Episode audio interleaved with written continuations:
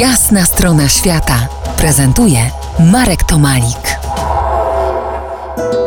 Moim gościem mój guru, Ryszard Czajkowski, geofizyk, polarnik, publicysta, autor filmów dokumentalnych oraz programów podróżniczych, legenda szklanego ekranu.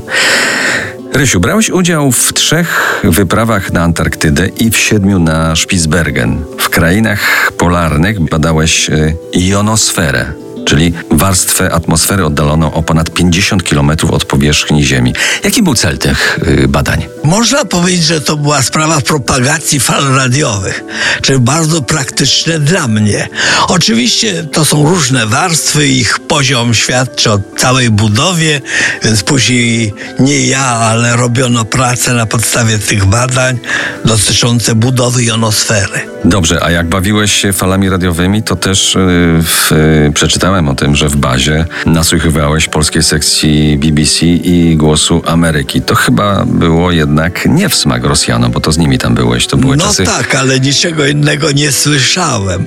Niczego innego nie słyszałem. E, prognozowałem propagację fal radiowych i meldowałem do polskiego radia przy pomocy radia takiego średniofalowego i e, wtedy e, nasze żony mówiły do nas. Ale w drugą stronę nie dało się. I czasami, tak, czasami to słyszeliśmy. Oczywiście to takie ograniczone słyszenie. To nie jest to, co w tej chwili, że właśnie na Skype'ie można się porozumiewać ze stacją. A tam na stacji, na stacji y, antarktycznej puszczałeś Rosjanom jazz. I jak na, reagowali na jazz? I w ogóle skąd miałeś jazz na stacji? Ja miałem z polskiego radia.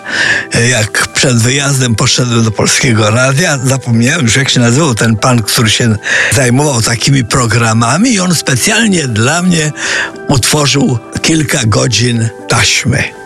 Tą taśmę odtwarzałem. A powiedz, jak Rosjanie reagowali na jazz, który im puszczałeś? Ponieważ my robiliśmy co tydzień prasówkę. No i koledzy szybko zobaczyli, że ja najbardziej się orientuję w sprawach współczesnych.